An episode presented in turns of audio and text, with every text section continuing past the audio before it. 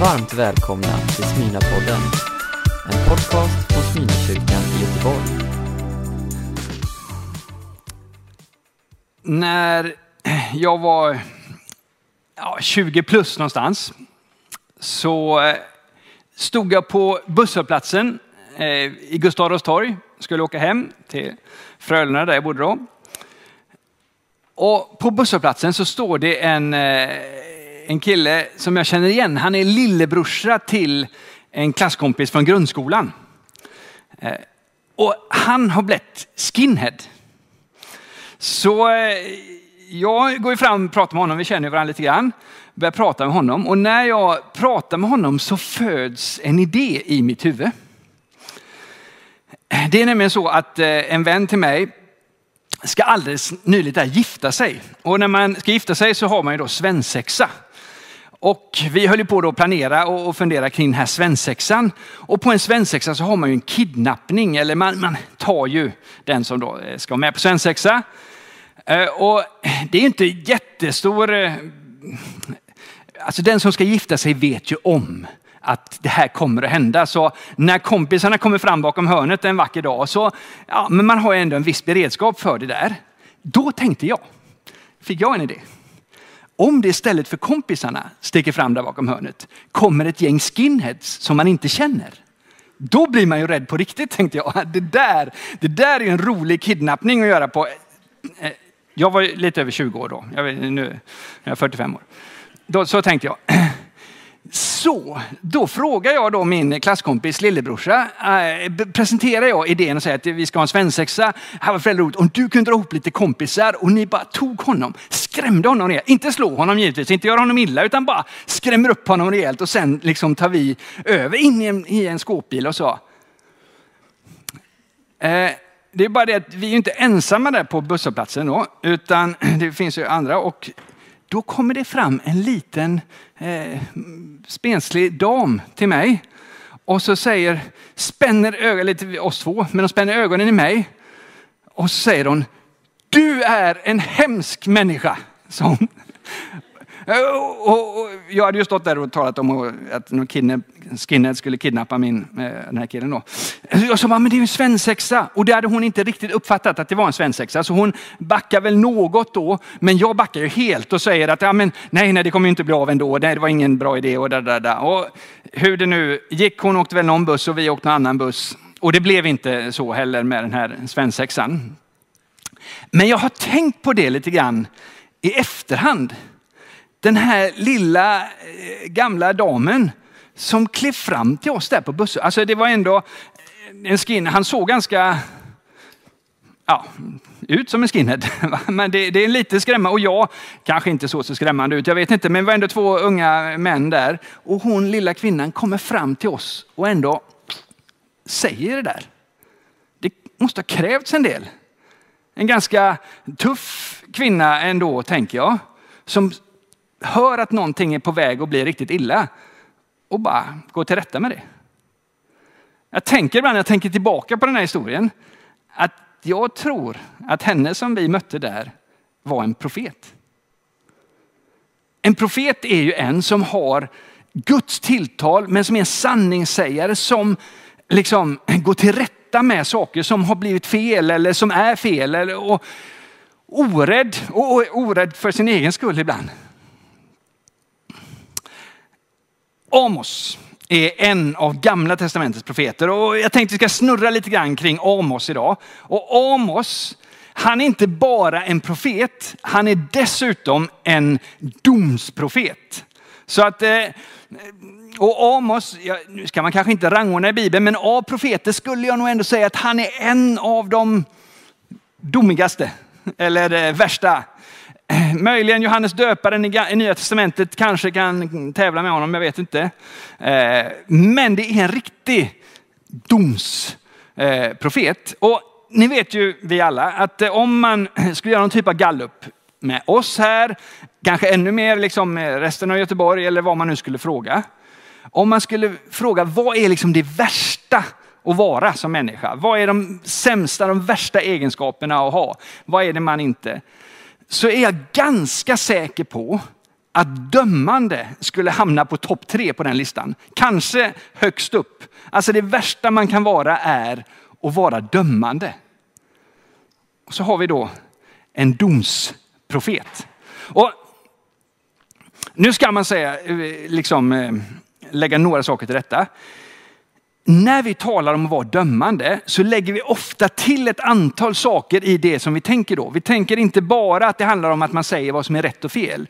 Utan ofta tänker vi oss någon som kanske sitter på lite höga hästar, någon som tror att den är bättre än andra och på det sättet också liksom delar ut sina eh, domar eller vad man nu ska säga till människor runt omkring inte ovanligt kopplat med en viss typ av dubbelmoral eller hyckleri. Liksom, när man själv faktiskt inte håller samma standard på resten av sitt liv. Så ofta när vi pratar om dömande så är det ett litet paket. Och En sak som är utmärkande för när man är dömande är ju också att man inte pekar så mycket på sig själv utan ganska mycket pekar på någon annan, på dem. Inte oss utan dem är ju konstiga. Så hur är det då med Amos? Eh, pekar han på oss eller pekar han på dem? ja, om man då börjar läsa Amos bok så märker man att Amos pekar ganska mycket också på dem. så han är en domsprofet och han pekar på dem. Han börjar hela boken med att ge budskap, domar till grannländerna. Edom och Gaza och Tyros och alla får en skopa av vad de gör fel eller hur de är eh, fel. Men det intressanta med Amos är att han slutar inte där. Han talar inte bara om dem, utan mer och mer in i boken och kanske när han har liksom Israels uppmärksamhet så börjar han tala om oss.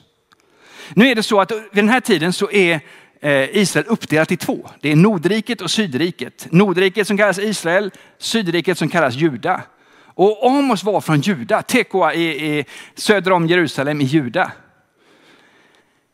Och han börjar faktiskt tala ut dom över Juda och Jerusalem och allt det som är där. Men påpassligt nog så har han då satt sig i Betel som ligger i Nordriket. Så han sitter liksom där, har rest hemifrån och kastar ut lite domar över sin gamla eh, hemland.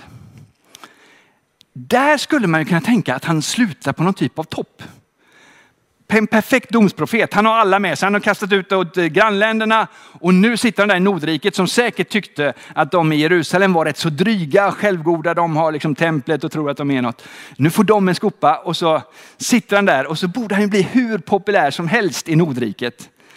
Eh, det finns ju en liten tendens till det där hos oss, att, att, att man kan bli populär genom att kasta ut dåligt åt andra.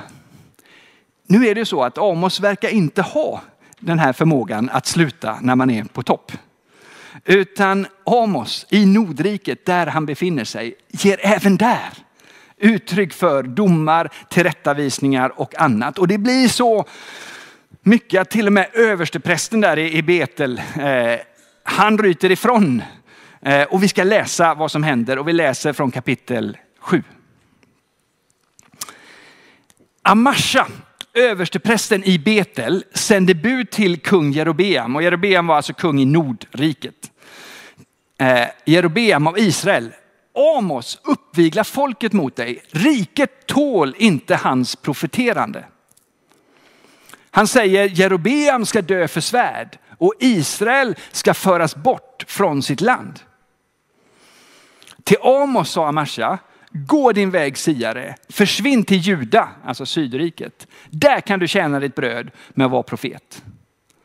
Men här i Betel får du inte längre uppträda som profet, ty detta är konungens tempel, en rikshelgedom. Amos svarade Amasha, jag är inte profet, jag tillhör inte det skrået. Jag håller boskap och odlar fikon. Men Herren tog mig från min jord och sa till mig, träd fram som profet inför mitt folk Israel. Alltså han blir impopulär även i Nordriket. Eh, och, och vi, vi, vet ju faktiskt inte vad, hur det slutade för Amos. Eh, troligen var han inte speciellt långlivad. Antingen blev han fördriven eller dödad. Så som det ofta var för de profeter som var sanningssägare på det här sättet. Men vi vet också att de profetier han uttalade om att det här var en dålig väg som Israel var på, de slog också in på många sätt. Men intressant här var ju också att vi fick höra lite grann om Amos kallelse eller om vad som var drivkraften för Amos. Amos verkar ju då inte för det första varit en profet som bara kastade ut där, utan han vände också mot här. Det måste man gilla honom för. Men han var inte heller en profet som bara liksom gjorde det som tjänade honom eller hans egna syften. Tvärtom, fast det inte var populärt, fast det var skapa liksom fara för honom, så gick han ändå fram med det budskapet som han hade fått, det tilltal som han kände. Och vi fick ju lite förklaringen här. Han var inte profet, han var ingen karriärsprofet. Men Herren hade manat honom, Herren hade talat honom, han hade tagit honom från det och lett honom in i det här. Och jag tänker att vara profet är inte ett eh, gå frikort för att vara allmänt liksom klagande och gnällig och tala om hur det si och så borde vara och klä det i någon typ av religiös kostym av att det här är ju profetiskt. Ja, det handlar inte om det. Utan vad profet handlar om, att man har fått ett tilltal från Gud som man faktiskt inte kan stå emot. Och man följer det även om det är impopulärt. Amos då, i, i den här boken uttalar ju dom över ett antal olika saker. Omoral och, och liksom avguderi och olika felaktigheter. Men Amos är också känd för att han hade en hjärtefråga, kanske mer än något annat. Och det var detta med de mest utsatta, de fattigaste de var han förespråkare för. Så när han kommer och blir obekväm, när han kommer och är den där rösten som de flesta inte vill höra, så är det inte för sin egen skull, det är inte för någon popularitet, utan det är för, för dem som kanske inte har någon annan förespråkare. Och vi ska läsa ett exempel på vad han säger. Ett, eh, och man kan ju som sagt läsa hela boken, men här får ni några versar från kapitel 8. Hör detta. Ni som trampar på de fattiga och utrotar de svaga i Israel, i landet. Ni säger, när är nymånadsfesten över så vi kan sälja säd och sabbaten så att vi kan öppna kornborden. Då ska vi minska måtten och lägga på priserna och fuska med vågen. Köpa de fattiga för pengar och de nödställda för ett par skor och sälja spillet som säd. Alltså, spillet som säd det är att man säljer det som, inte, det som är skräp som mat. Att man köper de fattiga för pengar, att man utnyttjar sin, eh, det man står i. Och då kan man tänka, men ja, det här gällde ju då. Nu är det 2770 år senare sedan den tid när Amos verkade.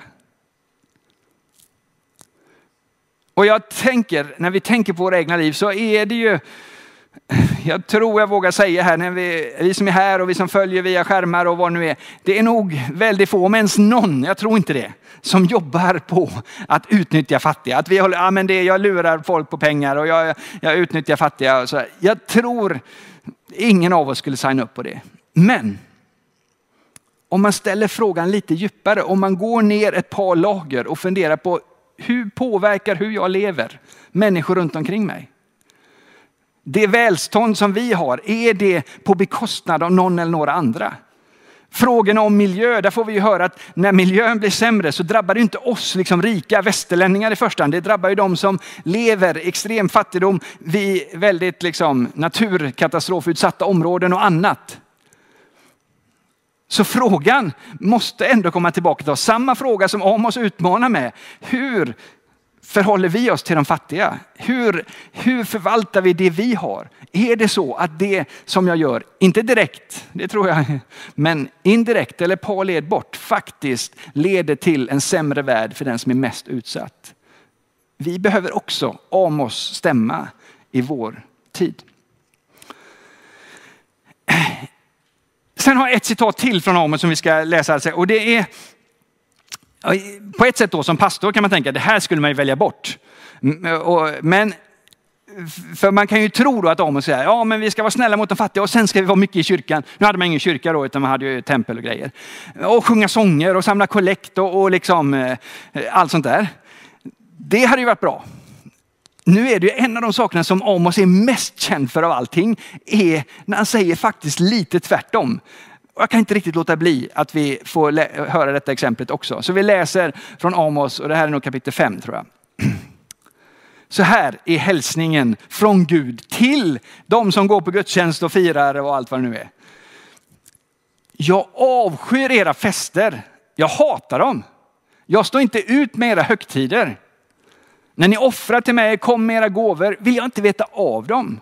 Jag vill inte se åt era offer av gödboskap. Låt mig slippa dina salmer, jag vill inte höra ditt stränga spel. Men låt rättfärdigheten välla fram som vatten och rättfärdigheten som en outsinlig ström. Rätten och rättfärdigheten. Alltså jag valde ju medvetet, det står ju stränga spel. Nu har vi, det är bara Daniel och Alfred som spelar någon typ av strängar här. Jag har ju hela brasset bakom mig så jag tog ju ingenting om någon som blåser i något. Jag, jag, det, jag, jag tog det säkra här. Va? Det, utan det är ju stränga spel som den här vänder sig mot, inget annat. Så det...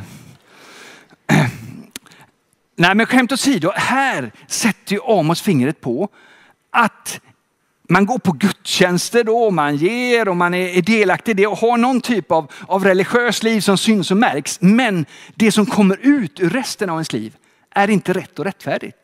Alltså det hänger inte ihop. Man har någon, någon andligt påklistrad som gäller där och då. Men det är inte konsekvent i hela mitt liv. Det kommer inte, de sakerna som det talas om, det som är firar, den Gud vi tillber, har ingen påverkan i mitt liv. Och då kommer det här skarpa tilltalet. Och jag tänker att även det, 2770 år senare, är någonting att ha med oss, reflektera, fundera över för oss idag. Är mitt liv konsekvent rakt igenom? Följer jag det jag tror? Lever jag som jag lär? Följer jag det som är rätt och sant? Även här tänker jag att vi behöver Amos röst. När jag förberett den här predikan så ska jag ärligt säga att jag har varit lite sådär. Alltså det finns någonting i mig som säger att det här att uppmuntra till att vara profeter, starka sanningssägare eh, och liksom eh, obekväma. Är det den väg vi ska gå? Är liksom det det rätta för oss? Är det det som vår värld behöver just nu?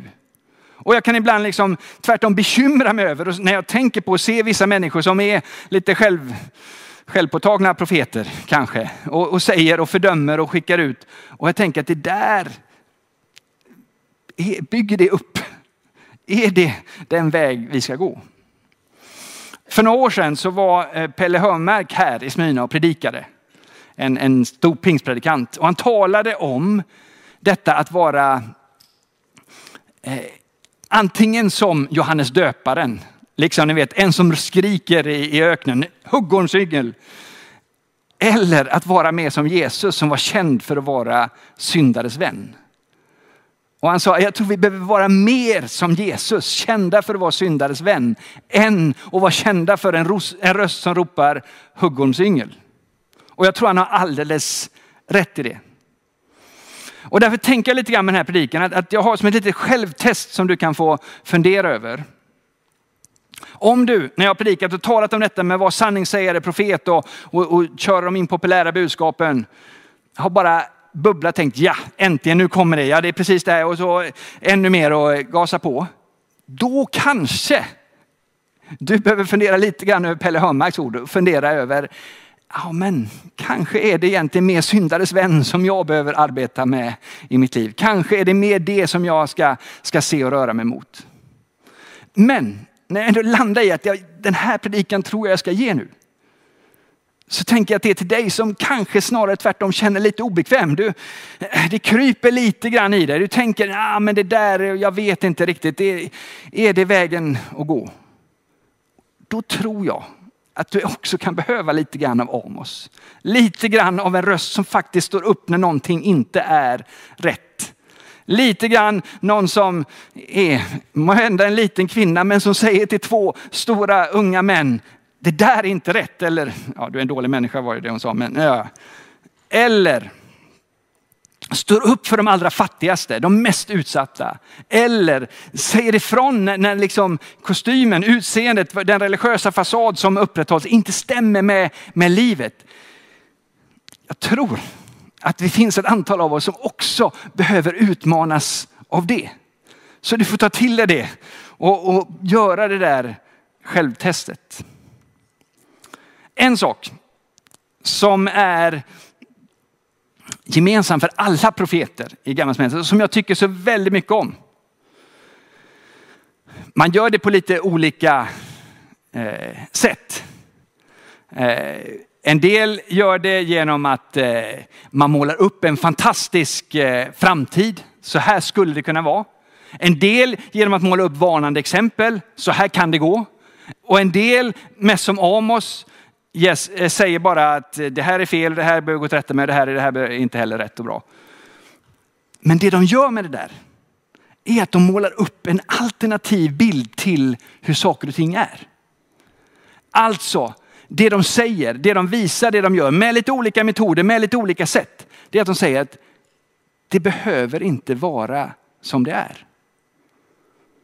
Alltså när vi lever våra liv, när vi tycker att systemen är märkliga, när vi tycker att det finns orättvisor, när vi tycker att saker och ting inte fungerar, när vi tycker att det finns falskhet eller vad det nu är vi, vi reagerar på. Så profeten har ett och samma budskap i allt det där. Det, det behöver inte vara så. Det behöver inte vara så. De målar upp en alternativ bild. En alternativ bild med en väg som är rätt en väg som är sund, en väg som är god, en väg som är värd att gå. Saker som man behöver lämna och saker man behöver öppna sig för istället.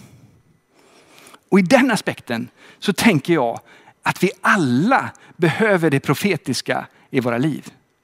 Att vi alla behöver eh, någon typ av helig fantasi när vi utifrån hur verkligheten ser ut på olika sätt. Det kan vara i det lilla och i det stora. Kan vi liksom få se Guds vilja, Guds tanke, Guds plan, hur det skulle kunna vara. Och, och, och vända oss, vrida oss ditåt, hjälpa varandra ditåt, uppmuntra varandra att faktiskt det är det hitåt vi behöver gå. Att vi får ha liksom den profetiska synen, att, att vi får, får se att det måste inte vara som det är. Vi är inte fast i något sånt här, utan det finns en väg att saker och ting kan bli bättre, helare, renare, fräschare.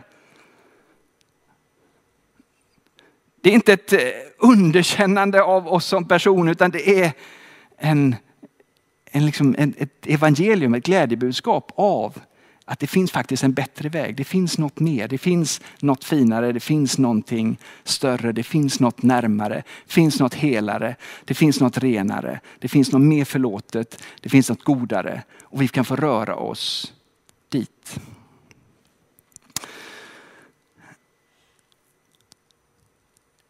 Det sista, och för ska man göra om oss rättvisa så är en domsprofet, han går till rätta med en massa saker. Men han har faktiskt på slutet en liten del som är mer av det här, måla upp så som det kan bli. Han ger någon typ av hopp. Han talar om att det kommer gå illa för Israel och ni går på en dålig väg. Och det, historien visar ju också att det, det gör ju det. Men han slutar också med ett hopp. Han säger att det kommer komma en tid. Och vi ska bara läsa en glimt av det från det sista kapitlet, kapitel 9.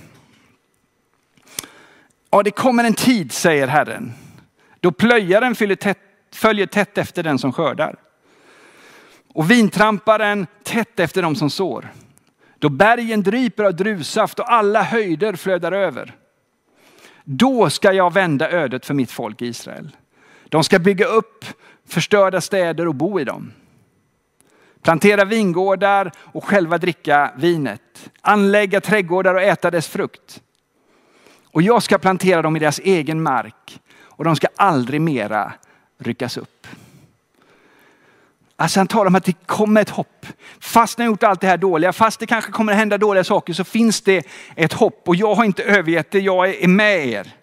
Och när vi zoomar ut och tittar så ser vi att det är så här det är budskapet i hela den bibliska berättelsen. Gud som sträcker sig mot människan som på olika sätt eh, går fel, vänder sig bort. För och ge nya chanser igen och igen. Öppna vägen för en ny framtid. Och klimax är med Jesus Kristus som Guds son som, som offrar sig för oss. fast vi är värda all dom så tar han det på sig och på det sättet frikänner oss och vi får möjligheten till en ny start, förlåtna av hans nåd. Gud som sträcker sig mot oss. Gud som säger att det finns en annan framtid. Det kanske var så, men det behöver inte vara så som det är. Det finns något bättre, något helare, något renare, något finare tänkt för dig som du kan få kliva in i. Här och nu, men som fortsätter ända in i evigheten. Så profeterna och Amos påminner oss om just den berättelsen. Att det finns ett hopp, det finns en framtid bortom omständigheter som ser otroligt tunga och svåra ut.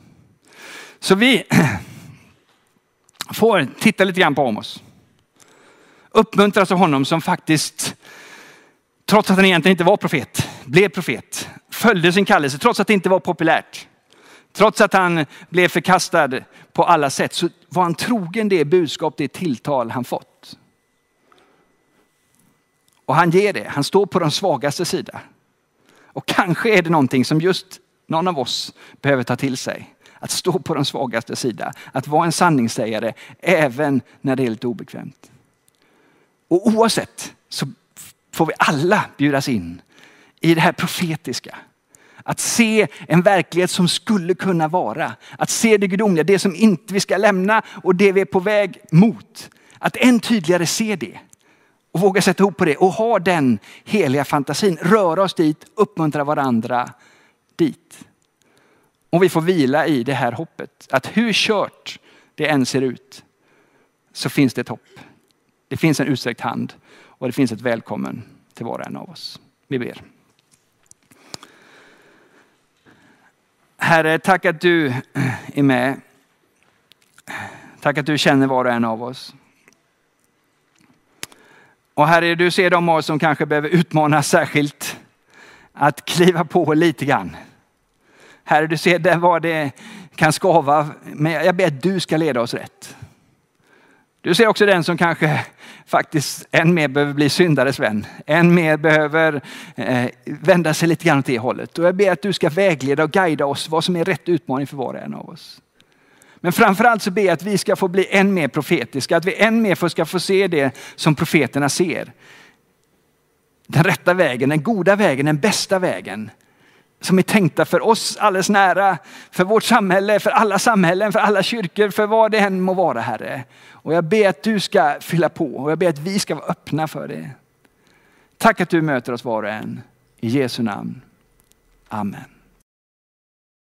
Du har lyssnat på en predikan från Smyrnakyrkan i Göteborg. Hjärtligt välkommen att lyssna igen eller besöka Smyrnakyrkan. Gud välsigne dig och din vecka.